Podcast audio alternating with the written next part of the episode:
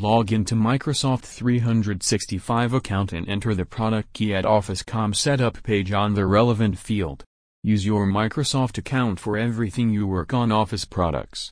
Being a prominent software program in the work field, Microsoft offers many apps for Windows, Mac, tablets, and phones. The present digital world is filled with threats.